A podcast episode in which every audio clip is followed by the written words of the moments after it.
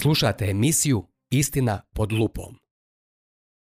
Kada izgovorim ime Sir Isaka Njutna, na šta prvo pomisliš? Pomislim na veliki naučni genij, a i na čovjeka koji je skromno izjavio Ako vidim dalje od drugih ljudi, to je zato što stojim na ramenima divova. To je dobar početak. Hajde da malo više istražimo o jednom od najvećih prirodnjaka svih vremena, uključujući njegova razmišljanja o Bogu.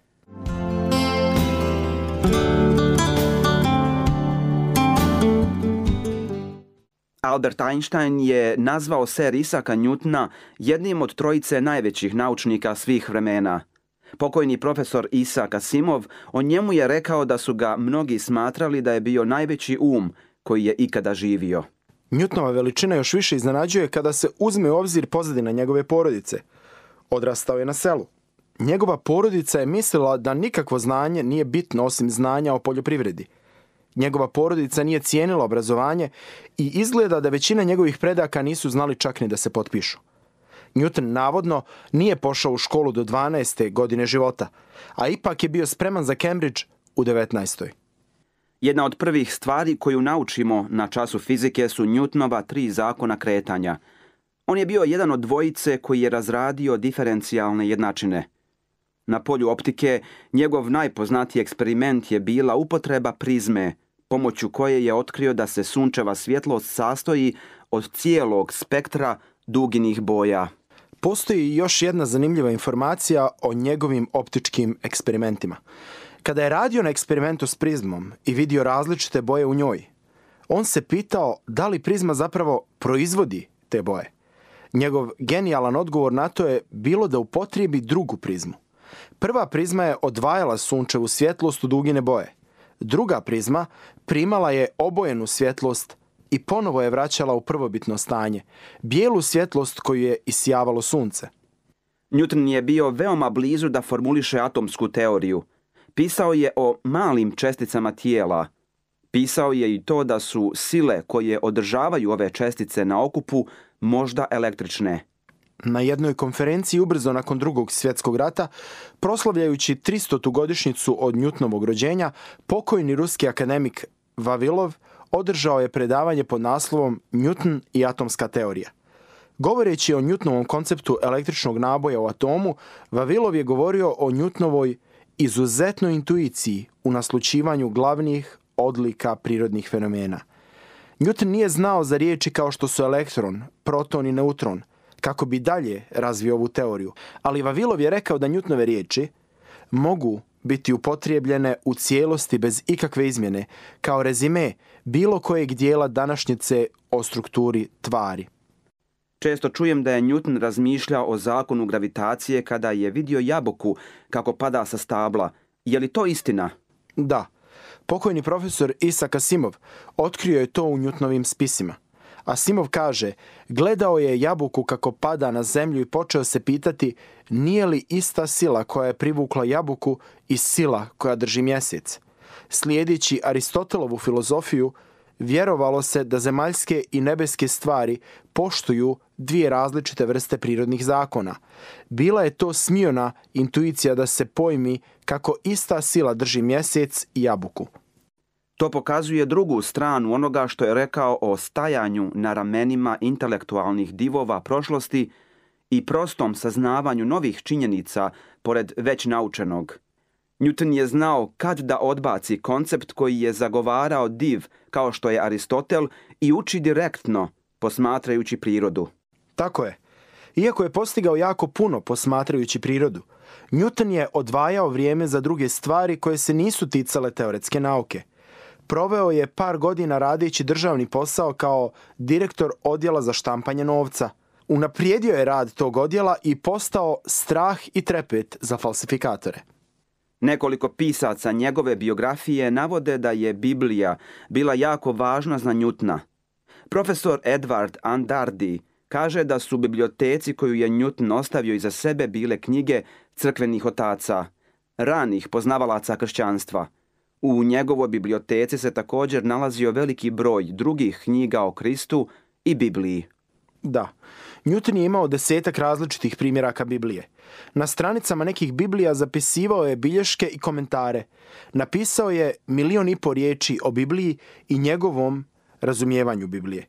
Čak je i u svojim naučnim radovima često govorio o Bogu. Na primjer, u svojoj knjizi Optici on je postavio pitanje. Da li je oko stvoreno? bez vještine u optici i uho bez poznavanja zvuka. Kako to da su tijela životinja sazdana sa tako mnogo umješnosti i kojoj svrsi su služili neki dijelovi tijela? Ne čini li se da ti fenomeni govore da postoji biće živo i inteligentno? Zvuči kao da je Sir Isaac Newton vjerovao da, kada je istraživao svijet, saznavao o Bogu koji je stvorio taj svijet. Da, nema sumnje. Newton je vidio primjer Božje mudrosti u svojoj formuli o gravitacijskom privlačenju između zvijezda i planeta. Dva faktora određuju koliko jako se nebeska tijela međusobno privlače. Što je nebesko tijelo masivnije, to veće gravitacijsko privlačenje ono upotrebljava na druga tijela. Ali što je veća udaljenost između tijela, to je manje privlačenje između njih.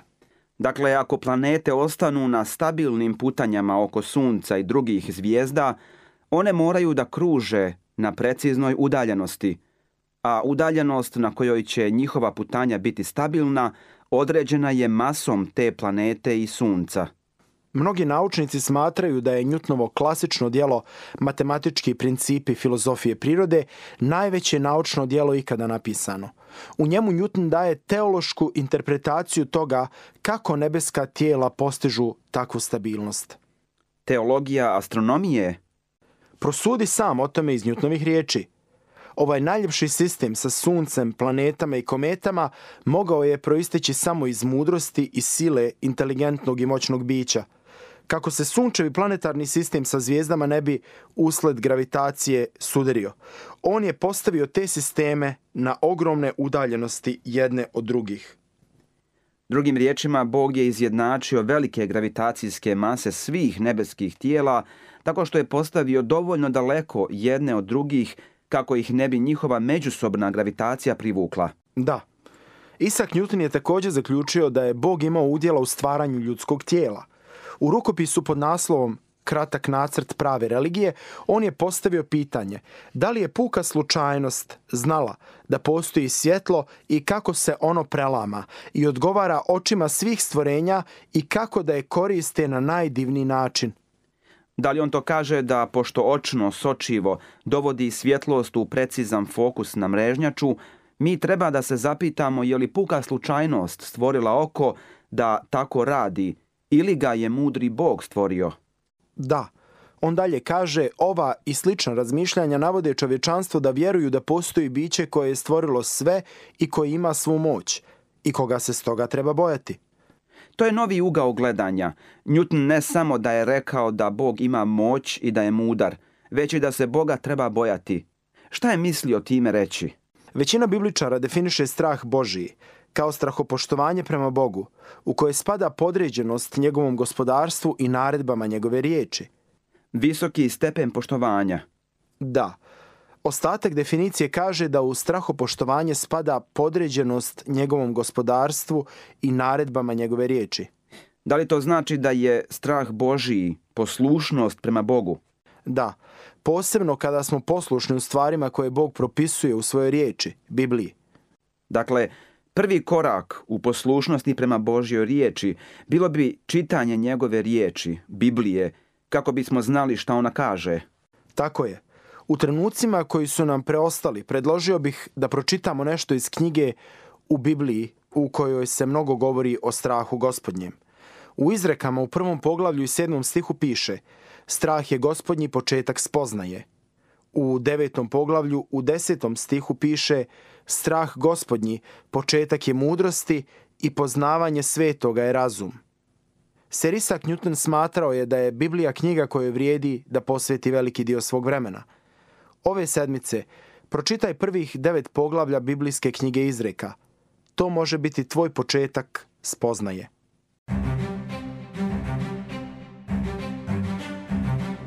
Hvala vam što ste slušali današnju emisiju kontaktirajte nas putem našeg e-maila putpravednosti.bih.gmail.com ili putem naše Facebook stranice Put pravednosti.